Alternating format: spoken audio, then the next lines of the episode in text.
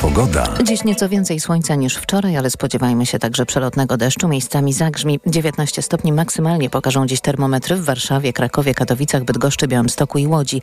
20 w Poznaniu i Wrocławiu, 21 w Lublinie i Rzeszowie. Dobrej pogody życzę sponsor programu. Japońska firma Daikin. Producent pomp ciepła, klimatyzacji i oczyszczaczy powietrza. www.daikin.pl Na prognozę pogody zaprasza sponsor. Właściciel marki Active Lab Pharma. Producent preparatu elektrowid zawierającego elektrolity z witaminą C i magnezem.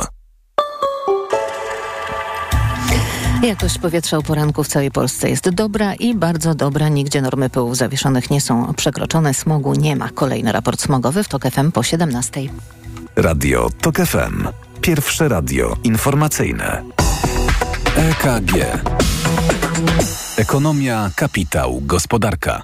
Tomasz Setta, dzień dobry. Pięć minut po dziewiątej zaczynamy magazyn EKG. W studiu z nami pierwszy gość, Paweł Borys, prezes Polskiego Funduszu Rozwoju. Dzień dobry. Dzień dobry. Panie prezesie, czy w nadchodzących wyborach wybiera się pan do Sejmu lub do Senatu? Nie, nie wybieram się, nie jestem politykiem. Pytam, bo kiedy czytam pańskie ostatnie wpisy w mediach społecznościowych, to tak się zastanawiam, czy więcej w tych wpisach jest polityki czy chłodnej analizy. Wpis z przed tygodnia. Doczekaliśmy się momentu w lipcu, w którym spadek inflacji oznacza spadek cen w Polsce. Dezinflacja szybsza od prognoz, a obniżki stóp procentowych w tym roku niemal pewne.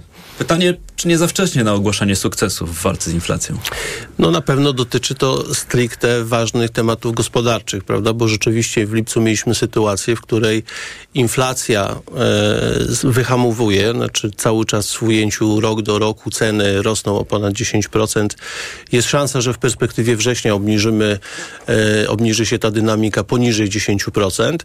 Natomiast e, pierwszy raz e, od kilkunastu miesięcy mieliśmy sytuację, w której w ujęciu miesiąc do miesiąca ceny spadły i to jest e, dobra e, informacja. Dobra bo... informacja, tylko zaglądam do komentarzy ekonomistów i czytam, że owszem, w lipcu ceny w tym porównaniu do czerwca spadły, ale był to spadek sezonowy. Bardzo często się to zdarza w wakacje i dotyczył cen żywności, która jak wiemy stanowi duży element tego koszyka naszego zakupowego i to zaważyło na tym finalnym wyniku. To nie oznacza, że już wracamy do jakichś normalnych poziomów cen. Tak, aczkolwiek jak weźmiemy poprzedni rok, to ten sezonowy spadek cen nie miał miejsca. To znaczy to, co chciałem pokazać, to jest to, że wracamy właśnie do tego takiego dobrego, zdrowego wzorca cenowego, w którym w okresie letnim ceny żywności spadają. Panie prezesie, cały Weź, poprzedni rok w we, ogóle był wyjątkowy pod względem o, o, wzrostu oczywi cen. Oczywiście i mamy do czynienia siłą z, rzeczy i, tego spadku tam i, nie ma, było. Tak, i mamy do czynienia z normalizacją. Weźmy też pod uwagę, że w poprzednich dwóch miesiącach ceny w ujęciu miesiąc do miesiąca też nie rosły, yy, więc to jest to generalnie powód do yy, bardziej optymistycznych prognoz, jeżeli chodzi również o stopy procentowe, bo dzisiaj inwestorzy na rynku, nie ja, tylko rzeczywiście inwestorzy oczekują, że w perspektywie drugiego kwartału drugie, przyszłego roku stopy procentowe no, znacząco spadną. No trochę inaczej na to patrzy członek Rady Polityki Pieniężnej Henryk Wnorowski, który mówi, że jeśli ta inflacja wciąż będzie dwucyfrowa także w sierpniu, no to we wrześniu to stawia pod dużym znakiem zapytania, a nawet wyklucza obniżkę stóp procentowych. Ja o tym mówiłem publicznie, że ja nie zachęcam e, Rady Polityki Pieniężnej e, do tego, aby spieszyć się z obniżkami stóp procentowych. Ale też mówi pan, że te bo, obniżki będą niemal pewne w tym roku. Tak, bo wydaje mi się, że patrząc na kurs złotego, który jest bardzo mocny, jednak znaczące spowolnienie gospodarcze i spadek konsumpcji e, w Polsce te trendy dotyczące rzeczywiście z, y, wyhamowania inflacji, bo Rada Polityki Pieniężnej powinna patrzeć na inflację za 12 miesięcy do przodu, a nie dzisiaj, bo jej decyzje dotyczące stóp procentowych oddziaływują z pewnym opóźnieniem. Jeżeli popatrzymy na prognozy, które mówią, że inflacja powinna spaść poniżej 5% w perspektywie końca przyszłego roku, a dzisiaj stopy procentowe mamy na poziomie 6,75, to oficjalne, jest to uzasadnienie dla obniżek stóp procentowych i jak popatrzę właśnie na to, co dzisiaj wyceniają inwestorzy na rynku, to oni bardzo mocno wierzą, że do drugiego kwartału przyszłego roku te stopy procentowe obniżą no się tak, już poniżej 6%. To jest ocena inwestorów, decyzja pozostaje w rękach Rady Polityki Pieniężnej. Moje pytanie brzmi, z czego miałby wynikać ten pośpiech przy obniżaniu stóp procentowych? Bo kiedy spojrzymy na politykę pieniężną, okej, okay, gospodarki nie są porównywalne, ale widzimy, co dzieje się w Europejskim, w Europejskim Banku Centralnym, jak decyzje podejmuje podejmuje Fed. Tam przy wielokrotnie niższej inflacji niż w Polsce mówi się o kolejnych podwyżkach stóp procentowych. W Polsce, wiedząc, że jesteśmy bardzo daleko od celu inflacyjnego, od tych 2,5%, to może nam zająć jeszcze 2-3 lata dotarcie do tego celu, zamiast utrzymywać stopy procentowe albo zapowiadać, że będą przez jakiś jeszcze czas na tym poziomie, na którym są teraz, już jesienią chcemy je obniżać. Zamiast upewnić się, że inflacja rzeczywiście jest pod kontrolą. Ja nie powiedziałem, że chcę je obniżać, wręcz mm, odwrotnie. Pan to nawet nie ma takiej możliwości. To oczywiście i no, podejmuje te decyzje Rada Polityki Pieniężnej. Ja powiedziałem, że są do tego przesłanki, żeby mówić o pierwszych obniżkach stóp procentowych, bo ja też konsekwentnie od ponad roku tym mówię, że dla mnie najważniejszym takim parametrem czy barometrem kondycji polskiej gospodarki, takiej stabilności jest polski złoty. I priorytetem przez ostatni rok było utrzymanie silnego e, czy stabilnego złotego, bo był złoty bardzo mocno się wahał. I w sytuacji, kiedy złoty umocnił się do 4,40 względem euro, no też zagraża to w pewnym stopniu e, opłacalności eksportu, prawda? Czyli dalej wpływa potencjalnie negatywnie na perspektywy wzrostu gospodarczego. I to jest argument za e, chociażby lekkim e, poluzowaniem polityki e, pieniężnej, żeby nie doprowadzić do nadmiernego umocnienia złotego.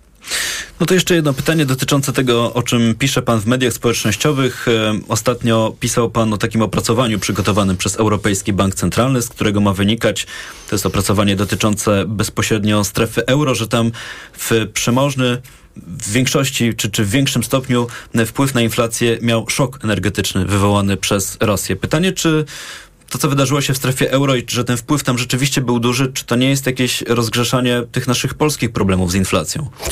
No nie, bo to jest badanie na, na grupie krajów akurat w strefie euro, ale z tego można wy, mieć również wnioski dla, dla innych krajów. No, bardzo ciekawe opracowanie pokazujące, że szoki energetyczne w ogóle w ostatnich 30 latach miały istotny wpływ na wyższą stopę e, e inflacji. E, w strefie euro de facto odpowiadało to w połowie ubiegłego roku za ponad 70% y, skoku inflacji ja oceniam, że w Polsce szok energetyczny od, odpowiadał za około połowę wzrostu inflacji. Mówiłem o tym, że około 1 czwarta to rynek pracy, 1 czwarta to e, e, pandemia. Natomiast e, te badania e, pokazują, że e, skala rzeczywiście tej wojny ekonomicznej, którą Rosja wydała Europie, destabilizując rynek gazu, później w wyniku wojny na Ukrainie też wzrosły ceny żywności innych y, surowców była potężna. E, I, e, Ale zgodzi się pan, panie prezesie, że w Polsce problem z inflacją, że problem z inflacją wystąpił na długo zanim jakiekolwiek bomby spadły na Ukrainę i na długo zanim jeszcze w Polsce pojawił się koronawirus. Luty 2020 roku, inflacja w Polsce rok do roku 4,7. To prawie dwa razy więcej niż wynosi cel inflacyjny. Na długo przed wszystkimi problemami, e, które dzisiaj są wskazywane jako główne źródła inflacji w Polsce. No tak, ale mieliśmy wcześniej wcześniej 5 lat. Wiem, to zamieszkła tak, historia, ale tak, tak było. Tak, ale mieliśmy wcześniej 5 lat, kiedy inflacja praktycznie nie występowała. Mieliśmy rok do roku, jeden, y, w każdym roku 1,5% wzrostu cen. Później rzeczywiście pewien skok wynikający głównie z rynku pracy, ponieważ bardzo mocno przyspieszyła dynamika płac, spadło bezrobocie, wzrosły też niektóre ceny usług komunalnych, ceny urzędowe. To podbiło wtedy inflację. Później przyszła pandemia i znowu mieliśmy szybki y, spadek cen, bo weszliśmy w recesję. Po pandemii na skutek y, łańcuchów dostaw, takiej całej y, problemów wywołanych pandemią mieliśmy skok inflacji do około 5%, Panie ale prawdziwy wszystko... skok inflacji nastąpił od września 2021, kiedy Rosja zdestabilizowała y, europejski rynek energii. Jasna sprawa, to wszystko wiemy, tylko chodzi mi o to, żeby dać do zrozumienia też naszym słuchaczkom i słuchaczom, że my w jakimś sensie w Polsce, w polskiej gospodarce stworzyliśmy takie idealne wręcz warunki do tego, żeby ta inflacja nam podskoczyła. Co więcej, posługując się tym opracowaniem, o którym pan mówi, y, czytam w nim, że kraje z wysoką inflacją, E, były bardziej podatne na ten szok energetyczny i to się wydarzyło w Polsce. Y wysok, wyższą inflacją, to znaczy też z lepszą koniunkturą. I rzeczywiście w Polsce, podobnie jak w innych krajach naszego regionu, ten wzrost gospodarczy był szybszy niż w strefie euro. Silniejszy popyt powoduje to, że firmom jest łatwiej przenosić wyższe koszty na ceny i to jest cały ten mechanizm, prawda? Bo w sumie to jest bardzo proste, prawda? Wyższy wzrost e, cen energii, wyższe płace, e, firmy przenoszą to na ceny. Jeżeli popyt jest silny, mogą robić to w większej skali. Jeżeli mamy recesję, popyt jest słabszy, nie są w stanie tego zrobić. I e, w Polsce, ponieważ ta koniunktura była bardzo mocna, no bo wiemy o tym, że w pierwszym kwartale ubiegłego roku PKB rosło 8%. No to było to postpandemiczne odbicie. Tak, firmom było łatwiej przenosić wzrost kosztów na ceny. Do tego mieliśmy silne podbicie konsumpcji, chociażby przez napływ uchodźców. No, to były rzeczywiście no, bardzo y, y, takie turbulentne trzy lata, prawda? Dużo się działo w gospodarce, która jednak no, bardzo szybko odrobiła większość strat po pandemii. Panie prezesie, to jeszcze ostatnie pytanie dotyczące znów inflacji i poziomu stóp procentowych. Wiemy, że Narodowy Bank Polski trzy razy do roku przygotowuje prognozę inflacji, w jaki sposób będziemy dochodzić do tych optymalnych poziomów, czyli do tego celu 2,5%. Wiemy, że to zajmie od dwóch do trzech lat. My w ogóle zbliżymy się w tym czasie dopiero dopiero do okolic tego celu inflacyjnego, a nie bezpośrednio do tych 2,5%. Ale tam jest bardzo ważne założenie, kiedy się projektuje te prognozy przy niezmienionym poziomie stóp procentowych. Czy nie ma pan dzisiaj takiej obawy, że gdyby do tych obniżek doszło już teraz, przedwcześnie, to ta droga do tego celu nam się wydłuży? A ten cel to nie jest taka przypadkowa sprawa. To jest poziom inflacji, który zapewnia gospodarce takie zdrowe warunki rozwoju. Tak, ale pamiętajmy... Warto, żeby to się wydarzyło szybciej niż później. Tak, ale no cały czas musimy dbać o pewną taką stabilność i równowagę, prawda? No, nie możemy doprowadzić do nadmiernego umocnienia złotego, do nadmiernego schłodzenia gospodarki, e, wzrostu bezrobocia. No, też e, widzimy po rynku kredytowym, że e, kredyty nie rosną, prawda? Więc nie ma w tej chwili takich zagrożeń wynikających z tego, że Rada Polityki Pieniężnej do kredytów jeszcze dojdziemy, odrobinę ale cały czas się obawia, że w Polsce może wzrosnąć stopa bezrobocia w tych warunkach, które mamy, przy tej demografii, którą mamy. Y, demografia nie, nie, nie odpowiada za spadek y, bezrobocia w Polsce, bo tak naprawdę powstało ponad milion miejsc pracy w ostatnich latach i, rośnie zatrudnienie, sto, stopa zatrudnienia. Y, Stopę bezrobocia się liczy tak, że się też porównuje do tego, ile mamy w ogóle pracujących. No, no, z tych przyczyn demograficznych. No tak, Włochy czy Hiszp Hiszpania, może mniej, ale też mają nie najlepszą demografię, a w kryzysie finansowym e, weszły na bezrobocie ponad 10%. Czyli więc panu ta obawa jest?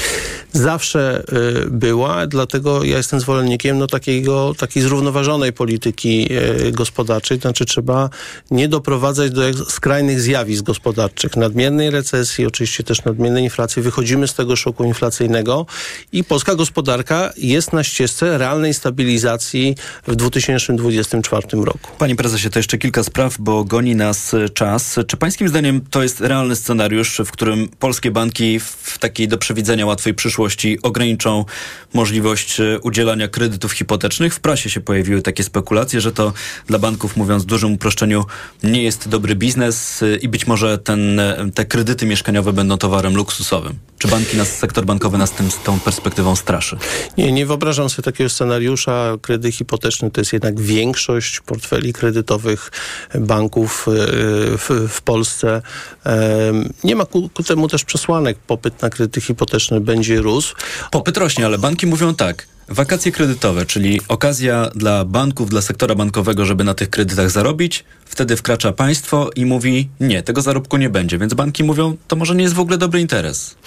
No, ja absolutnie uważam, że wakacje kredytowe były uzasadnione. Stopy procentowe rzeczywiście bardzo mocno wzrosły. Dla samych banków to też jest e, e, ważne, aby ich kredytobiorcy nie mieli problemów, bo powoduje to konieczność tworzenia rezerw, więc e, przy tak dużych zmianach w gospodarce w, w ostatnich latach takie jednorazowe działanie w czasie kryzysu jak najbardziej uzasadnione. Natomiast my stoimy przede wszystkim przed dużą reformą wskaźnika WIBOR, przejścia tutaj na nowy wskaźnik e, WIRON w 2024 roku powinien ten nowy wskaźnik już zacząć w Polsce e, obowiązywać. Powinniśmy promować kredyty na stałą stopę procentową. E, no, na tym polega zdrowy rynek e, hipoteczny, prawda? Czyli właśnie, aby kredytobiorcy mieli pewność, jakich raty wyglądają w dłuższym e, terminie. To jest w ogóle temat na osobną dyskusję o tych proporcjach, jeśli chodzi o kredyty ze stałą stopą oprocentowania i ze zmienną stopą oprocentowania. W innych krajach jednak dominują te ze stałą stopą, więc, tak jest, więc klienci warto, są mniej narażeni, na te, tak. mniej są narażeni na to, co dzieje się z poziomem stóp procentowych. A ma pan z rządu jakieś przesłuchy, co z tymi wakacjami kredytowymi w przyszłym roku? No, y, premier zapowiedział, że y, wkrótce ta decyzja y, zapadnie. Mówił o możliwości wprowadzenia też kryteriów dochodowych. Ale wkrótce to znaczy, że rząd czeka na to, co zrobi Rada Polityki Pieniężnej jesienią? No, wcześniej również premier o tym mówi, że ta decyzja zależy od tych perspektyw związanych ze stopami procentowymi. Czyli jest obniżka, nie ma wakacji.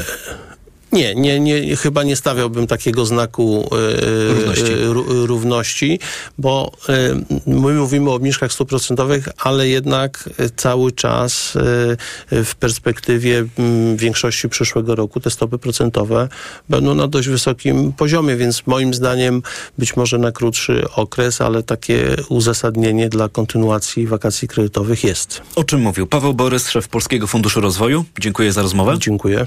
Trwa magazyn EKG. Czas na informacje. EKG. Ekonomia, kapitał, gospodarka. Autopromocja. Podziemie. Nowy serial radiowy. Tok FM. Zaprasza Michał Janczura. Podziemie to jest świat stworzony po to, by zarabiać na strachu. W podziemiu nie obowiązują reguły świata nauki i medycyny. Podziemie to wreszcie idealnie zorganizowany biznes. Ludziom, którzy nigdy nie chorowali na boreliozę albo dawno ją pokonali, wmawia się, że muszą latami łykać dziesiątki antybiotyków, suplementów i ziół. Pacjenci płacą, wyniszczają siebie i są zagrożeniem dla innych. Podziemie. Słuchaj na tokefm.pl ukośnik podziemie lub w aplikacji mobilnej. Tok FM. Autopromocja. Reklama. Teraz w euro wielorabaty. Drugi produkt 30% taniej. Albo trzeci 55%. Albo czwarty 80%. Albo piąty produkt nawet za złotówkę. Promocja na całe duże AGD i ekspresy. Regulamin w sklepach euro i na euro.com.pl. Reklama. Radio TOK FM. Pierwsze radio informacyjne. Informacje TOK FM. 9.21 Marta Perchuć-Burzyńska. Zapraszam. Siedem osób zginęło, 67 zostało rannych we wczorajszych rosyjskich atakach na ukraińskie miasto Pokrowsk. Co najmniej dwie osoby zginęły, a 14 zostało rannych w wyniku ostrzałów obwodów hersońskiego i zaporowskiego. Rosjanie znowu zaatakowali obiekty cywilne, w tym m.in. punkt niezłomności w Hersoniu, czyli miejsce, gdzie mieszkańcy miasta mogą otrzymać pomoc humanitarną i żywność lub skorzystać z internetu. Szef Komitetu Śledczego Rosji Aleksandr Bastrykin może być bezpośrednio zaangażowany w przymusowe deportacje deportację ukraińskich dzieci do Rosji oraz ich militarną indoktrynację, pisze w najnowszej analizie Amerykański Instytut Studiów nad Wojną, cytując rosyjskie media niezależne. Według portalu Wiorstka Komitet Śledczy Rosji objął patronat nad dziećmi wywiezionymi z Ukrainy i umieszczonymi w domach dziecka. Miał skierować swoich funkcjonariuszy do domów dziecka, gdzie wręczali oni dzieciom prezenty oraz zachęcali do wstępowania do korpusu kadetów, czyli specjalnych szkół wojskowych. Bastrykin miał osobiście występować przed, przed wywiezionymi do Rosji ukraińskimi dziećmi i mówić im, że rosyjskie zwycięstwo zależy właśnie od dzieci. Ochrona lasów deszczowych Amazonii to temat rozpoczynającego się dziś dwudniowego szczytu przywódców państw Organizacji Traktatu Współpracy Amazońskiej w obradach w Belem, stolicy brazylijskiego stanu Para. Oprócz prezydenta Luli wezmą udział liderzy Boliwii, Ekwadoru, Gujany, Kolumbii, Peru, Surinamu i Wenezueli. 22 osoby zostały ranne na skutek pożarów łąk i lasów w południowo-zachodniej Portugalii. Większość poszkodowanych to strażacy. Do wieczora ewakuowanych zostało ponad 2,5 tysiąca osób. Pożarom sprzyjają utrzymujące się w Portugalii od soboty 40-stopniowe upały. Pogoda. A u nas dziś w najcieplejszym momencie dnia termometry pokażą od 17 do 20 stopni. Dziś sporo chmur, ale nieco więcej słońca niż wczoraj. Spodziewajmy się też przelotnego deszczu. Miejscami zagrzmi. Radio TOK FM. Pierwsze radio informacyjne. EKG. Ekonomia, kapitał, gospodarka. 23 minuty po dziewiątej zaczynamy drugą część magazynu EKG we wtorek. Państwa kolejni goście to dziś pani Joanna Maćkowiak-Pandera, szefowa Forum Energii. Dzień dobry. Dzień dobry. Pani Joanna Makowiecka-Gaca, prezes zarządu Karma Recycling City, przewodnicząca Rady Pracodawców RP. Dzień dobry. Dzień dobry. I łączy się z nami także pan Marcin Mrowiec, ekonomista, koordynator makroekonomiczny Europejskiego Kongresu Finansowego. Kłaniam się nisko. Dzień dobry. Y, mam taką propozycję, żebyśmy na początek y, trochę jeszcze pozostali w temacie, y, który pojawił się w pierwszej części magazynu EKG.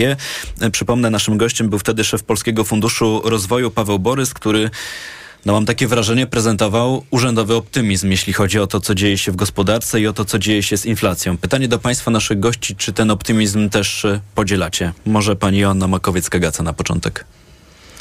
No dobrze by było być optymistą co do zasady. Ja y, mam taką trudność często, że, że jestem tu u Państwa taką e, Kasandrą I, y, i, chciałabym przełamać ten, ten standard, ale jest Rozkładam mi ręce, trudno. cóż mogę zrobić. Natomiast y, jesteśmy w, absolutnie w miesiącach wyborczych. E, ale ponieważ jesteśmy też w audycji, która jest audycją ekonomiczną, no to posadźmy te nogi na ziemi, mówiąc kolokwialnie. Mm, inflacja jest e, wciąż wysoka, do celu nam bardzo daleko. Działania Narodowego Banku Polskiego i Rady Polityki Pieniężnej są w mojej ocenie niespójne z walką z tążą inflacją. Zapowiadana jest jej, tutaj minister Soboń nawet powiedział, że może się założyć, że we wrześniu ona spadnie E, do, do jednocyfrowych poziomów, czyli poniżej 10%. Tak, poniżej 10%. No i tak powiedziała, bardzo to jest y, populistyczne, może, może nie wiem, medialne, może to jest właściwe sformułowanie, a my mówimy wciąż o rosnących kosztach, bo spadająca inflacja, i podkreślam to za każdym razem, jest na poziomie 10% i jest wzrostem kosztów o 10%. To znaczy dzisiaj jest drożej niż w porównaniu, niż, niż w poprzednim roku w tym samym czasie? W czasie o, o ponad 10%. O ponad 10,8 10 to są te ostatnie dane. Tak i, i te zapowiedzi o e, stopie pro, e, procentowej, która miałaby spadać e, referencyjnej jest e, w tym kontekście no, nie broni się przez e, w, w, nie broni się w, żadnej takiej analityce ekonomicznej. Więc e, ten optymizm dotyczący chociażby zwróćmy uwagę na PMI, tak, czyli wskaźnik, który mówi o tym, w jaki sposób e, przemysł będzie kupował, inwestował, odtwarzał swoje aktywa. Taka też próba odczytania nastrojów Otóż w przemyśle. To, czyli inwestujemy, tak, no bo co buduje de facto gospodarkę w Polsce i dobrobyt i w każdym innym kraju? Inwestycje, innowacje i praca. E, więc e, z pracą jest nieźle, bo poziom bezrobocia niski. Mm, E, inflacja jest wysoka, która no niestety e, zżera nam to, ten nasz dobrobyt.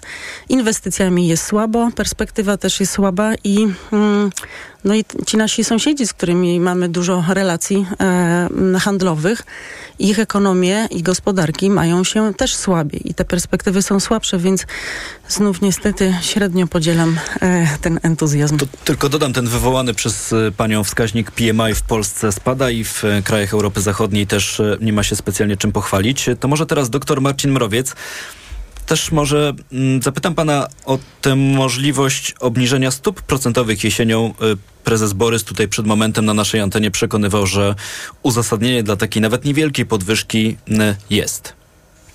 Obniżki. Podwyżki? O, obniżki, przepraszam. No Obniżki.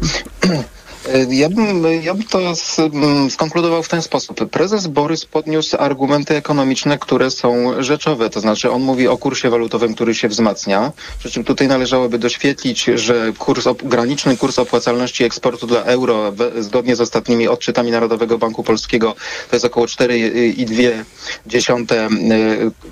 e, kurs względem euro, więc do tego poziomu jeszcze mamy dosyć dużo miejsca. E, prezes Borys zwrócił uwagę na spowalniający wzrost gospodarczy oraz to, że inflacja prawdopodobnie za rok będzie poniżej 5%. I teraz, gdyby Rada Polityki Pieniężnej podniosła stopy procentowe wtedy, kiedy trzeba było je podnosić mocniej na poziomy wyższe, to bazując na tych argumentach, ja byłbym za tym, żeby delikatnie y, y, stopy procentowe obniżyć.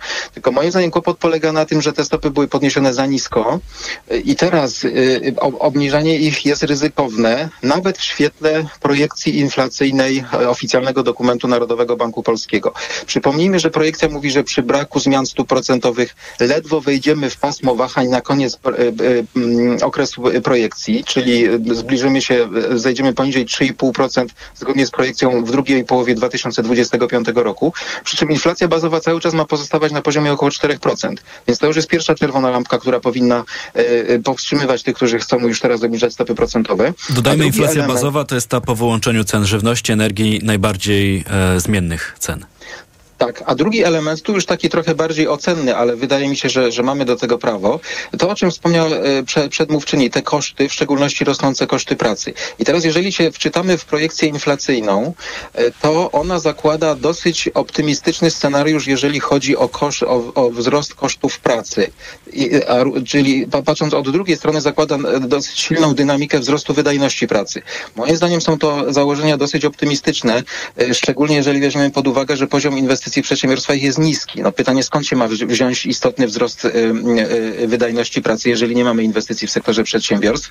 Więc jeżeli jedno z drugim złożymy, że już teraz przy tych założeniach ledwo wchodzimy w pasmo wahań, a prawdopodobnie niektóre założenia nie będą dotrzymane i inflacja będzie wyższa, no to nawet jeżeli za rok inflacja będzie poniżej 5%, no to to jest i tak dwa razy powyżej celu. Więc moim zdaniem cały czas wskazana jest ostrożność. Stopy zostały podniesione zbyt mało jak na potrzeby i teraz musimy poczekać trochę zanim zdecydujemy się na ich obniżanie. Ostrożność zalecał dr Marcin Mrowiec. No 5% to dwa razy więcej niż wynosi cel inflacyjny w Polsce, a te 10%, a za chwilę 9%, no to cztery razy więcej niż wynosi cel inflacyjny w, w, Polsce. To, to tak, by pokazać skalę, z jak dużym wyzwaniem się wciąż mierzymy. Wracamy do studia. Pani Joanna Maćkowiak-Pandera. A ceny energii to długo jeszcze się będą dokładać do tej naszej inflacji? Ceny energii na pewno to jest też jakiś y, trochę y, łatwiejszy temat w porównaniu z ubiegłym rokiem, bo widać, że one się stabilizują y, i, i zaczynają powoli spadać, ale dalej na przykład dla gospodarstw domowych w tym roku roku średnia cena to jest 90 e, groszy za kilowatogodzinę. Co to znaczy? Y, no to znaczy... Do czego mam to porównać? Do, do tego, że w zeszłym roku y, płaciliśmy, w 22 płaciliśmy 77 groszy, czyli 90 to poszły, więcej. poszły, czyli więcej. Y, ale z drugiej strony mm, widzimy, że na przyszły rok z naszych analiz, bo te ceny dopiero się kształtują, one są też bardzo wysokie, bo będą na poziomie złoty 60, czyli znacząco wyższe bez, bez mrożenia czyli tu sytuacja jest trochę lepsza. Widać, że ceny dla przemysłu będą y, prawdopodobnie niższe niż w tym roku, ale dla małych i średnich przedsiębiorstw, y, y, gdy w tym roku one płacą złoty 20, to w przyszłym roku widzimy, że one będą się kształtowały na poziomie złoty 40, czyli, czyli gdzieś to na pewno ta presja ze strony energetyki, ceny energii spada, ale temat jest dalej bardzo duży. Przede wszystkim też moim zdaniem to, co jest niezwykle istotne, to brak transparentności, bo ja nawet myślę sobie, że jeżeli my się skupiamy na tym wskaźniku inflacyjnym, który jest liczony tak albo inaczej, e, to, to, to dalej dla mnie to jest pytanie, jakby co dalej, no bo z energetyką to my jedziemy tak naprawdę na naszych rezerwach, na, na systemie energetycznym, który już i tak się kończy. E, jest trochę rzeczywiście dobrych zmian, które są w tej chwili przepychane przez Sejm e, i to bardzo też fajne akurat, że przy współpracy rządu i opozycji właśnie w zakresie zmian energetycznych, właśnie y, takich specjalnych regulacji, które mogą też pomóc przemysłowi budować odnawialne źródła energii y, y, na przykład linię bezpośrednią i też rozwiązany może być problem przyłączeń odnawialnych źródeł, ale to jest wszystko dalej za mało. To o tym jeszcze w magazynie EKG powiemy, o tym, czyli o tych mhm. zmianach w prawie energetycznym, ale to może jeszcze Państwu taki temat zaproponuję w magazynie EKG, czy, czy w temacie energii, na przykład Pani prezes, e, zwracam się do Joanny Maćkowiak-Pandery. Czy jest e, coś takiego, co pani konkretnie by chciała usłyszeć w tej zbliżającej się kampanii wyborczej od polityków w dziedzinie energii? No ja, ja bardzo bym chciała usłyszeć nie tylko o tym, jak, jaka jest ta cena, przy czym y, w tej chwili i y, każdy przedstawia swoją, y, jakby swój wycinek prawdy, czy, czy rzeczywistości, tylko ja bym chciała naprawdę usłyszeć y, jakby propozycję, co dalej. To znaczy, jakiego rodzaju y, priorytety stawiają y, wszyscy politycy w okresie powyborczym, na czym zamierzają się skupić, jak zamierzają rozwiązać problem przyłączeń do sieci i jak będą kształtować y, y, inwestycje w energetyce, jak, jak, y, co zrobimy na przykład z czystym powietrzem, bo w tej chwili słyszymy też o tym, że, że rząd po raz kolejny zawiesza normy paliw, co oznacza, że właściwie też cały nasz wysiłek walk o czyste powietrze gdzieś cofamy się do tyłu. Więc to jest coś, co ja chciałabym usłyszeć. Co po wyborach? Jakie plany, jakie inwestycje, jakie priorytety? To mówiła Joanna Maćkowiak-Pandera. Bardzo dziękuję. Pani Joanna Makowiecka-Gaca. To samo pytanie, ale nie obszar energii. Czy jest coś takiego, o czym pani by chciała usłyszeć? Na razie słyszymy o bezpieczeństwie. Wczoraj prezydent podpisał ustawę podwyższającą świadczenie Rodzina 500 plus z 500 zł do, do 800 zł. Co byłoby dla pani takim, nie wiem, czy tematem kampanii, czy co po prostu pani by od polityków chciała usłyszeć? E, ja bym jednak nawiązała, ponieważ tych e, dziedzin i zagadnień, e, których dotyczą programy polityczne partii, jest bardzo wiele, ponieważ dotyczą i naszego życia jako społeczeństwa i, i, i też sektorowo. Natomiast jak jesteśmy przy tej energii, to tak jak pani prezes powiedziała, istotą rzeczy jest, aby Polska miała suwerenność energetyczną, ale która też będzie oparta o takim miksie energetycznym i w który sposób um, ponad podziałami, ponieważ jest to um, strategia wielo, wielo na dekady rozpisana, bo inwestycje tego wymagają, E, jest nam jako obywatelem państwo po prostu bardzo potrzebna i nie dorobiliśmy się niestety, mówiąc kolokwialnie, takiego myślenia mm, ponad właśnie mm, podziałami, takiego, który by powiedzmy był racją stanu, a polityka energetyczna powinna być racją stanu. E, dzisiaj okazuje się, że ktoś, kto miał atom i, i nie wiem, jak, jak Francja, prawda, ma 60 kilka procent energii pochodzenia właśnie z elektrowni jądrowych jest w zagrożeniu, ponieważ jest pucz w, w afrykańskim państwie, które jest dostawcą uranu. I okazuje się, że ten, który był zwycięzcą w cudzysłowie e, bezpieczeństwa energetycznego, ponieważ nie miał gazu, a miał właśnie e, energię e, pochodzącą atomową, no, z jądrową, z elektrowni jądrowych, dzisiaj jest w kłopocie, więc miks energetyczny jest bardzo, bardzo konieczny i on zresztą kiedyś już wiele lat temu, i to naprawdę sięga dekad, jak ja pamiętam te rozmowy, mówiło się o klastrach energetycznych. Tu pani prezes na pewno będzie bardziej kompetentna ode mnie, ale ale my wciąż tego nie mamy, tak? I to jest takie szarpane działanie, y, często się ten rynek wręcz psuje, zatrzymuje się, inwestycje i tak dalej, i tak dalej. To, że Mam taką jak... obawę, pani y, prezes, że postawiła pani polskiej klasie politycznej bardzo wysoko poprzeczkę, bo mówi pani o porozumieniu ponad podziałami. To y, przy no, tym, ale... jak się obserwuje debatę publiczną w Polsce, wydaje tak, się być. No, ona jest rzeczywiście dzisiaj. Czymś no, niewykonalnym. Dzisiaj spadła bardzo nisko, ale jako obywatele uważam, że powinniśmy tą poprzeczkę podnosić cały czas wyżej. Dosłownie nisko, tak się zastanawiałem, czy o tym dzisiaj powiem w programie. Mówię dosłownie nisko, bo zamiast mówić o tak ważnych sprawach, jak my staramy się tutaj mówić w magazynie EKG, to temat w polskiej polityce ostatnio zszedł na grzyby. Dosłownie, ale ten temat już e, zostawiamy. Przed momentem mówiła Joanna Makowiecka-Gaca, są z nami też Joanna Maćkowiak-Pandera i Marcin Mrowiec. E, zapraszam Państwa na, informa na informacje Radia Tok FM i słyszymy się tuż po nich. EKG. Ekonomia, kapitał, gospodarka. Autopromocja. Od morza po góry, przez jeziora i lasy. Na trasie, w podróży, na wycieczce. Zawsze i wszędzie. Słuchaj seriali reporterskich i podcastów specjalnych TOK FM, których nie usłyszysz na naszej antenie. Te historie. Mała władza. Lub czasopisma. Dołącz do Tok FM Premium i sprawdź, co jeszcze dla Ciebie przygotowaliśmy. Teraz 30% taniej. Szczegóły oferty znajdziesz na tokefm.pl. Autopromocja. Reklama. RTV Euro AGD. Uwaga! Teraz więcej kupujesz, więcej zyskujesz. Kup jeden produkt i zyskaj rabat lub dobierz kolejny i zyskaj jeszcze większy rabat. Rabaty nawet do 5000 zł. Wartość rabatu zależna od wartości koszyka. Minimalna wartość zakupów to 1500 zł. Sprawdź progi zakupów i odpowiadające im wartości rabatu. Promocja na wybrane produkty. Szczegóły w regulaminie, w sklepach i na euro.com.pl. Dla zachowania komfortu podróży kup dzieciom Lokomotiv. Lokomotiv to sprawdzone i bezpieczne rozwiązanie na podróż z dobrym samopoczuciem. Z Lokomotivem bezproblemowo dotarłeś do celu. Suplement diety Lokomotiv. Niezastąpiony w czasie podróży. Wyciąg z łącza imbiru pomaga utrzymać komfort lokomocyjny Aflofarm. Jestem lekarzem dermatologiem i wiem, że stosując pomadkę do ust myślimy głównie o nawilżeniu. To za mało, dlatego sama stosuję i polecam Regenerum. Regeneracyjne serum do ust z filtrem SPF 50+. Pod wpływem słońca usta tracą objętość i kolor. Regenerum skutecznie chroni delikatną skórę ust przed szkodliwym działaniem słońca. Ponadto Regenerum intensywnie nawilża usta, zapobiega utracie wody, odżywia je i poprawia elastyczność. Dzięki Regenerum usta na długo zachowują naturalne piękno. Regenerum. Pełna regeneracja.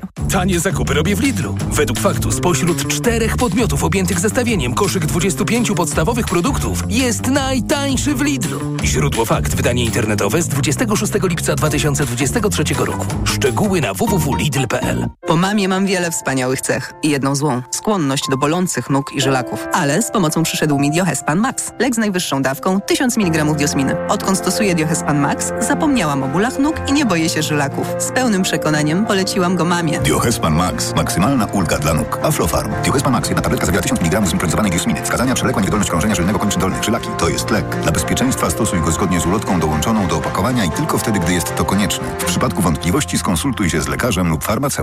Zakupy robię w Lidlu, bo to się opłaca. Już od poniedziałku. Masło mazurski smak 200 gramów, cena przed obniżką 6,49 za opakowanie. A teraz aż 49% taniej. Tylko 3,25 za opakowanie przy zakupie trzech. Mięso mielone wieprzowe rzeźnik tylko z aplikacją Lidl Plus. 1 plus 1 gratis. A polska papryka czerwona, cena przed obniżką 9,99 za kilogram. A teraz z aplikacją Lidl Plus aż 50% taniej. Tylko 4,99 za kilogram. Dla takich oszczędności zakupy robię w Lidlu.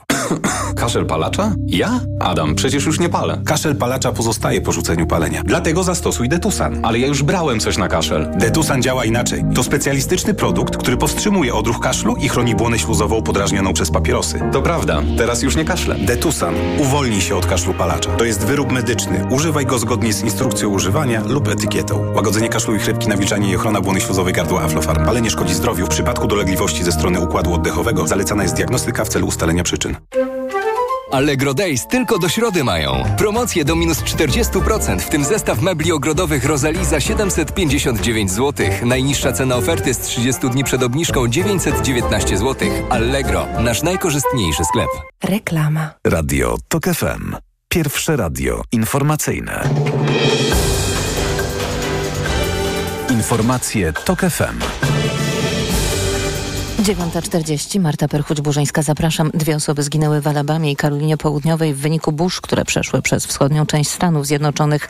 Alert pogodowy obowiązywał w 10 stanach od Tennessee po Nowy Jork. Niszczycielski wiatr pozbawił prądu ponad milion mieszkańców. Spowodował też duże zakłócenia m.in. w komunikacji lotniczej. W ocenie synoptyków to jeden z najpoważniejszych incydentów pogodowych w ostatnich czasach. Japonia przygotowuje się na tajfun Kanun, który zbliży się dziś, zbliży się dziś do południowo-zachodniej części kraju. Władze ostrzegają przed zniszczeniami, które mogą spowodować silny wiatr i ulewny deszcz. Z powodu tajfunu Kanun polskich harcerzy w Korei Południowej czeka dziś ewakuacja. Biorą tam udział w Jambore, czyli Światowym Zlocie Skautów. Pół tysiąca Polaków ma wraz z innymi uczestnikami trafić w miejsce mniej narażone na podmuchy wiatru. Ropa naftowa znów płynie nitką rurociągu przyjaźń naprawioną po rozszczelnieniu. Odcinka magistrali, którym surowiec jest przesyłany do Niemiec, wykryto w sobotę wieczorem w gminie Chodycz w Kujawsko-Pomorskiem. Pogoda. Dziś więcej słońca, ale w całym kraju możliwy przelotny deszcz. Na południu i nad morzem zagrzmi, tam też może wiać mocniej. Na termometrach maksymalnie od 14 stopni w rejonach podgórskich, przez około 18 w centrum kraju, do 20 na południowym zachodzie. Radio TOK FM. Pierwsze radio informacyjne. EKG. Ekonomia, kapitał, gospodarka. Jeśli mają Państwo jakieś plany związane z godziną 10, to informuję, że jest jeszcze trochę czasu. 9.42 w tej chwili. Czas na trzecią część magazynu EKG. Joanna Maćkowiak-Pantera, Joanna Makowiecka-Gaca i Marcin Mrowiec to dziś Państwa goście. Może tę część zaczniemy od zdziwień. Nie pytałem Państwa wcześniej, czy te zdziwienia są, ale sprawdźmy na żywo, na antenie. Kto zaczyna? O, zdziwienia. Joanna Maćkowiak-Pandera. No, ja, ja może się ostatnio zdziwiłam, y, bo dowiedziałam się o tym, że bardzo y, skomplikowana sytuacja, jeśli chodzi o ceny energii, jest w Tauronie. Nie, nie wiedziałam tego wcześniej i rzeczywiście zaskoczyło mnie to, że tam po prostu bardzo gwałtownie wzrosła opłata handlowa, która y, z, z kilkudziesięciu złotych, 20-30 na y, 150. Y, I to y, tych... y, Pięciokrotnie? Dobrze usłyszałem? i to y, właśnie najbardziej uderzyło w tych miesięcznie, y, najbardziej uderzyło w tych, którzy najmniej zużywają energię, więc y, y, to, to y, Miałam jakieś inne zdziwienie, ale zapomniałam, prawdę mówiąc, i to mi się przypomniało. Ale to też jest ciekawa żyję sprawa. Tym od kilku dni, dlatego że akurat po prostu słyszę o dużym zamieszaniu, o tym, że, że Tauron się zupełnie zaplątał i, i, w, i w tej całej narracji o tym, że te ceny energii są niskie i że zamrożone, okazuje się, że może cena energii została zamrożona, ale opłata handlowa w ogóle wymknęła się spod kontroli. Bo dodajmy, opłata handlowa jest, rozumiem, jednym z tych składników naszego rachunku Dokładnie. za energię elektryczną, ale to jest jakaś y, pomyłka, ta podwyżka, czy jest tam jakieś uzasadnienie? No to jest właśnie dobre pytanie, bo, bo o tym nie słychać. Yy, wiemy teraz, że Tauron yy, się wycofuje z tych ofert i że popłynęło bardzo dużo skarg do Urzędu Ochrony Konkurencji. Yy, coraz więcej, no bo to rzeczywiście wygląda bardzo słabo na poziomie też takim no, zwykłego człowieka, który nagle dostaje wyrównawczy rachunek, musi dopłacić yy, kilkaset złotych albo tysiąc. No tak, to nie mało. I to gdzieś wymknęło się w ogóle, w ogóle się o tym y, też nie mówi, jak bardzo to zamrażanie cen, jak bardzo zmniejszyło transparentność rynku, jak firmy sobie nie radzą y, z, z billingami, czyli z rozliczeniami, z rachunkami Mhm. y, i, i jak to tak naprawdę też będzie rezonowało w przyszłości. Tak, jeszcze próbuję sobie przypomnieć, na co idzie opłata handlowa, mówiąc tak kolokwialnie trochę. Może na podwyżki dla pracowników? Myślę, że spółki energetyczne też W muszą y, Tak próbuję sobie przypomnieć, jaki jest cel tej opłaty. To było zdziwienie od y, y, pani Joanny Maćkowiak-Pandery. Takie z zaskoczenia trochę, ale też oczywiście bardzo ciekawe. Ni- W niczym to nie umniejsza temu, temu, temu zdziwieniu. Będziemy też pewnie przyglądać się tej sprawie. Pani Joanna Makowiecka-Gaca. Ja mam dwa zdziwienia. Je- Jedno jest takie... Bo miała pani więcej e, czasu, to się przygotować. Dokładnie, więc jakby byśmy chwilę posiedzieli jeszcze. Mogą być dwa, bardzo proszę. Po prostu w- wrażeń życie nam dostarcza wiele. Pierwsze jest takie, e, e, które mm, e, e, trochę zgodne z moją projekcją, e, to znaczy praca zdalna. Nie, wiem, czy państwo czytacie, ale ci wszyscy liderzy, którzy jeszcze rok temu, ta- tak mówię o amerykańskich firmach, ale nie tylko, którzy właśnie mówili, że, że, że hybryda, że w ogóle praca zdalna to jest standard i, i wszystko jest doskonale. Kto i, będzie do, do biura wracał? Któż tam dokładnie redukują i, i metry kwadratowe wynajętych powierzchni globalnie. No i teraz jeden po drugim de facto nie ma tygodnia z tych koncernów, które by ogłaszały, że, że powrót. I to taki w niektórych przypadkach, e, na przykład o Amazonie mówiąc, mówią, e, taki statement był w, w notatce w, ujawnionej e, w firmie maila wewnętrznego, że jesteśmy firmą pracującą z biura. I to jest pięć dni, e, pięć dni w biurze.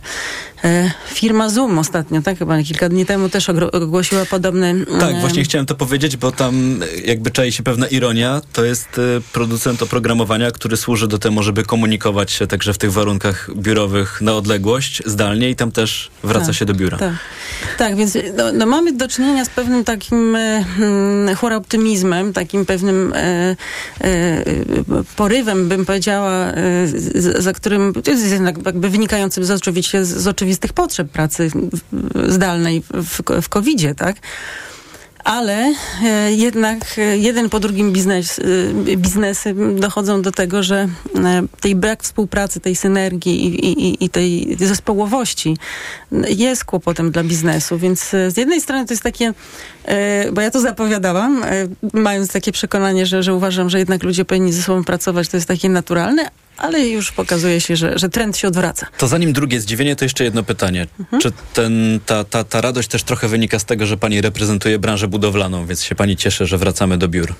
Znaczy, ja akurat reprezentuję branżę budowlaną, a konkretnie w naszych spółkach wszyscy y, y, pracują zespołowo y, razem niezdalnie. Więc to wynika z mojego przekonania, że ja uważam, że, że, że to I chodziło o to, że jest... trzeba też biura budować. Tak, no, znaczy w ogóle jak będziemy budować firmę, jakby gospodarka będzie się rozwijała, to, to budownictwo jest papierkiem lakmusowym tego, że rzeczywiście inwestycje idą e, e, i, i, i gospodarka się rozwija. Ale e, tak, to jest dla, ciekawy dla mnie trend taki globalny. To tutaj się zatrzymajmy. Mam w pamięci drugie zdziwienie, ale na swoją kolej czeka także pan dr Marcin Morowiec, który też ma trudniej, bo nie jest z nami w studiu. Pytanie do pana, co pana dziwi? Znaczy, mnie dziwi brak e, poważnej dyskusji ekonomicznej na temat e, programu 500, e, a teraz 800, dlatego że jeżeli spojrzeć na to, jakie były założenia tego programu, no to tam były dwa główne cele. Jeden, pierwszy i najważniejszy to był wzrost dzietności. No i wiemy, że tego wzrostu dzietności nie ma i nawet w oficjalnym dokumencie rządowym, który był w kwietniu 2021 na pięciolecie tego programu przyznano, że przez pierwsze dwa lata rzeczywiście liczba urodzeń rosła, ale potem zaczęła spadać i będzie już tak spadała dalej. Więc Zdaje się, że partia rządząca też bardzo szybko porzuciła ten argument i zaczęła mówić dużo częściej i to też bardzo dawno, że to już nie jest ten program, który ma służyć temu, żeby wzrosła dzietność w Polsce, tylko jest programem takim właśnie socjalnym, wyrównującym szanse. Natomiast no to gdyby przejść do, do, do, części socjalnej, rzeczywiście drugi cel to był e, poprawa e, sytuacji naj, najuboższych e, rodzin, najuboższych dzieci i ten cel został osiągnięty. Przy czym jeżeli spojrzymy w literaturę, są już badania na ten temat, to one pokazują, że ten cel moglibyśmy osiągnąć kilkukrotnie taniej. Spotkałem się z badaniem, które mówiło, że to jest 8 razy, że koszt tego programu jest 8 razy większy. Te, te same efekty można byłoby osiągnąć 8 razy taniej. I teraz sytuacja jest taka, że wydajemy za chwilę, no, od przyszłego roku, kiedy już będzie, te 800 plus będzie wydatek rzędu 70 miliardów złotych rocznie na program, który nie spełnia swojego, mm, swojego zasadniczego celu, a, a cel drugoplanowy spełnia kilkukrotnie drożej niż by, niż by mógł. Wydajemy na to, wydamy na to mm, w, w pobliżu tego, jakie są łączne wpływy z podatku PIT na poziom budżetu centralnego. Przypomnę Państwu, że za, założenie na ten rok, na 2023 są takie, że mm, wpływy z, z podatku PIT to będzie 78,4 miliarda złotych. Jak, jak do tej pory te wpływy idą poniżej prognoz, więc może się skończyć około 70. W przyszłym roku to będzie pewnie więcej, chociażby z tytułu inflacji. Natomiast wydajemy pieniądze porównywalne do tego, ile podatku PIT trafia na poziom budżetu centralnego. One są, one są wydawane w sposób nieefektywny i nie ma żadnej poważnej dyskusji na ten temat, jak to poprawić. Rozumiem, że można byłoby, y, y, że te, te, pieniądze już w jakiś sposób muszą być wydane, albo już do, do, do, tego się wszyscy przekonali. Natomiast można by je wydać znacznie bardziej efektywnie na, na osiągnięcie tych celów, które sobie zakładamy, a nie dyskutujemy tego tylko, y, tylko po prostu brniemy w, w, w nieefektywne wydatki. Ale to jeszcze jedno takie pytanie dodatkowe. Co to znaczy pańskim zdaniem bardziej efektywnie? Tak w kilku słowach, jakby pan to widział. Jeżeli chodzi o poprawę dzietności, to doświadczenia międzynarodowe, i to już było wiadome przed wprowadzeniem programu 500, mówiły, że program bezpośrednich dopłat ludziom do tego za, albo za to, że mają dzieci, mówiąc już tak bardzo brutalnie, one są nieskuteczne. Natomiast skuteczniejsze są programy poprawy, po, pomocy rodzinom w wychowaniu dzieci, programy udostępnia, po, po, powszechnego dostępu do żłobków, opieki e, dla e, młodszych dzieci w czasie, kiedy rodzice są w pracy, poprawa, wsparcie kobiet w tym, żeby nie musiały podejmować decyzji e, dziecko czy praca, tylko żeby im ułatwić, żeby były na przykład jakieś żłobki czy przedszkola w zakładach pracy, tak żeby to było, żeby to było blisko. E, przechodząc dalej, poprawa sytuacji w szkolnictwie. No, tutaj wydajemy tyle pieniędzy, a okazuje się, że nie ma, nie ma na podwyżki dla nauczycieli. W sytuacji pędzącej inflacji e, za chwilę no, już mało kto będzie chciał pracować jako nauczyciel. Już teraz to się dzieje. Ci wszyscy, którzy mają dzieci w wieku szkolnym widzą, jak, jak trudno jest dyrektorom z, z nauczycielami nauczycielami, więc te pieniądze można byłoby wydać znacznie bardziej efektywnie na poprawę tego, jak funkcjonuje młody człowiek, który, który przyjdzie na ten świat i to by, myślę, że to by znacznie bardziej przekonywało potencjalnych rodziców do tego, żeby mieć więcej potomstwa niż jednorazowa, niż, niż, niż wypłata takiej czy innej sumy co miesiąc. To mówił dr Marcin Mrowiec. Bardzo dziękuję. Z tym, o czym pan przed momentem powiedział, mam tylko taką jedną obawę, że te wszystkie zadania, które pan wyliczył, wymienił, to wymaga bardzo dużo pracy. Jest to dosyć skomplikowany proces, dużo bardziej skomplikowany niż po prostu przekazanie gotówki czy podwyższenie też tej kwoty, która będzie trafiać na konto. To taka trochę też wypowiedź moja podszyta y, ironią, na którą sobie teraz pozwoliłem. Y, to jeszcze wróćmy do studia. Pani Joanna Maćkowiak-Pandera już zdziwienie o nim mówiła. Pani Joanna Makowiecka-Gaca, to drugie zdziwienie. E, przeczytałem taki e, raport firmy KPMG, który dotyczy ESG, ESG, czyli tego Environment, Social and Governance, czyli takiego działania zrównoważonego, gdzie, gdzie my tutaj w Europie jesteśmy liderem światowym, można powiedzieć, jeśli chodzi o dyrektywy unijne i takiego parcie w kierunku Polsce? zrównoważonego w Europie. Tak? A, w Europie, w a, w Europie, Europie. w Europie. Nie, bo w Polsce właśnie Chodzi o to, że firmy muszą raportować, w jaki sposób podchodzą do tych wyzwań klimatycznych i że działają w tak, sposób znaczy raportować to jest, trzeba najpierw robić, zanim, zanim się zaraportuje, Zaraportuje. tak? Bo nie chcemy tutaj greenwashingu, e, więc trzeba robić. Jeżeli ktoś zacznie robić w, w poszanowaniu środowiska, pracowników i, e, i, i w sposób taki e, korporacyjnie czy, czy etycznie biznesowo, no to wtedy będzie mógł coś zaraportować i, i można powiedzieć, mamy jakościowy biznes. Ale coś ciekawe, ten raport KPMG przebadał e, bardzo wiele firm, w tej chwili nie pamiętam te liczby, na, w Stanach Zjednoczonych. I w, na rynku polskim my jesteśmy na bardzo, e, stąd pewnie py- pytanie pani prezes, na bardzo początkującym etapie. Bardzo początkującym etapie. Europa jest zaawansowana. Natomiast Stany Zjednoczone, no, ich miks energetyczny i tak dalej, no to nie są też lidera, można, można powiedzieć. Natomiast tam ten raport pokazuje, że we wszystkich M&A-ach, czyli w em, takich pro, procesach em, e, e, zakupu nowych aktywów, czyli spółek i tak dalej, tak? Te firmy ponad 50% y, y, stawiają tak zwane red flagi, przepraszam za ten, za, za ten język taki biznesowy. Bardzo dużo tego żargonu tutaj. Ale ten żargon, y, chodzi o to, że jeżeli firmy nie spełnią tych kryteriów, wskaźników, to w ogóle nie są brane pod uwagę, jeśli chodzi o, o, o cel akwizycyjny. Zdziwiło mnie to, bo, bo, bo, bo widać, że tempo wdrażania tych, ty, tych zmian na świecie, i nawet tak jak mówię, nie mówię tutaj o Danii, która jest liderem na przykład w, tym, w, w Europie, tylko no, no, no właśnie gdzieś tam w Stanach Zjednoczonych. Więc Dopytam, nie spełniają tych kryteriów dotyczących tego zrównoważonego tak rozwoju. Jest, tak jest, tak.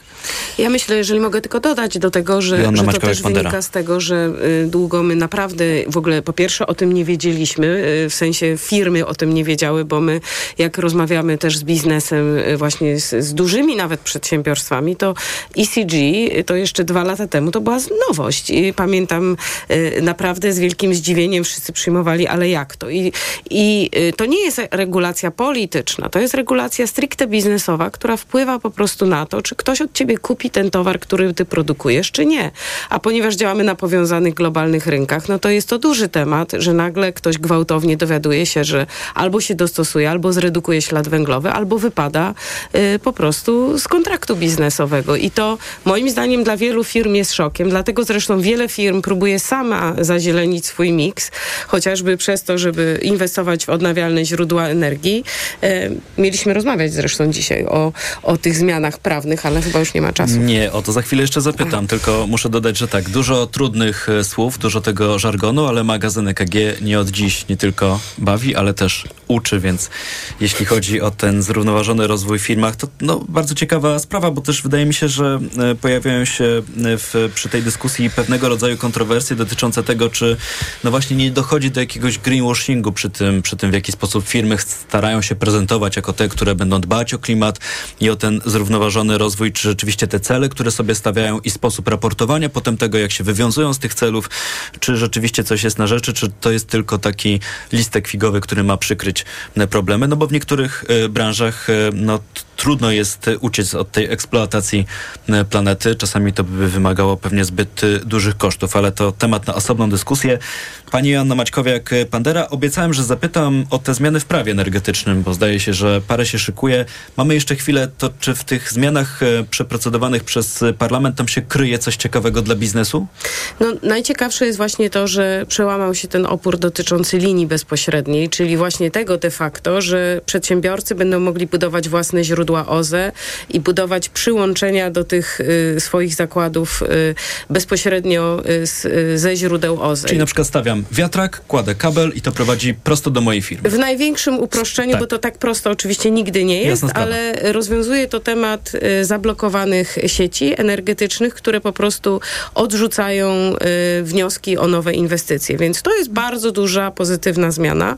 Teraz tylko trzeba bardzo się skupić na tym, żeby nasz Sejm znalazł łaskawie czas swój, bo to już zostało też przez Senat klepnięte y, i żeby nasz Sejm łaskawie panujący w połowie sierpnia chyba jest jakaś... y, Po długim weekendzie mamy posiedzenie Sejmu. Dokładnie. Na posiedzeniu Sejmu przyjął te regulacje, no i żeby prezydent podpisał, bo to może być jedna z ostatnich, ale bardzo ważnych zmian w prawie energetycznym i odnawialnych źródłach energii. Tak, to ja wspieram głos pani prezes, że to jest naprawdę pozytywna zmiana. I tym wspierającym głosem będziemy kończyć magazyn EKG. Szukamy Bardzo pozytywów. Oczywiście, w magazynie EKG nie jest łatwo, ale staramy się, nikt nie mówił, że będzie łatwo. Dziękuję za to spotkanie. Joanna Maćkowiak-Pandera, szefowa Forum Energii była z nami. Dziękuję bardzo. Joanna Makowiecka-Gaca, Karma Recycling City, przewodnicząca Rady Pracodawców RP. Bardzo Dziękuję. dziękuję. I Marcin Mrowiec, ekonomista, koordynator makroekonomiczny Europejskiego Kongresu Finansowego. Również dziękuję. Dziękuję bardzo. Na koniec naszego spotkania zabieram Państwa jeszcze na giełdę papierów wartościowych w Warszawie. Tam w tej chwili indeks szerokiego rynku WIG traci ponad 0,70%, 71 dokładnie. WIG 20 także na minusie, prawie 1% w dół, a na rynku walutowym euro dziś po 4,44, dolar po 4 zł i 4 grosze, funt kosztuje 5 zł i 15 groszy i frank szwajcarski dziś po 4,62. Program wydawała Natalia Banaczek, zrealizowała Liwia Prądzyńska, również dziękuję. Informacje w Radiu Tok FM o 10, a tuż po nich audycja Owczarek. Dziś Cezary Łasiczka będzie rozmawiać m.in. o systemie konstytucyjnym w Izraelu. Gorąco Państwa zapraszam. Ja nazywam się Tomasz Setta, życzę Państwu dobrego dnia i słyszymy się jeszcze w raporcie gospodarczym Tok FM tuż po 14.40. EKG. Ekonomia, kapitał, gospodarka. Well, I'm delighted that the process of British reform and renegotiation and the referendum dass auch deutsche Staatsbürger unter den Opfern und Verletzten My wife is born in Poland and I have the highest appreciation.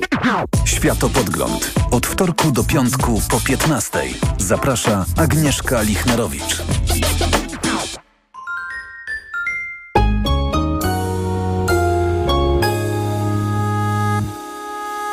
Reklama. Ła!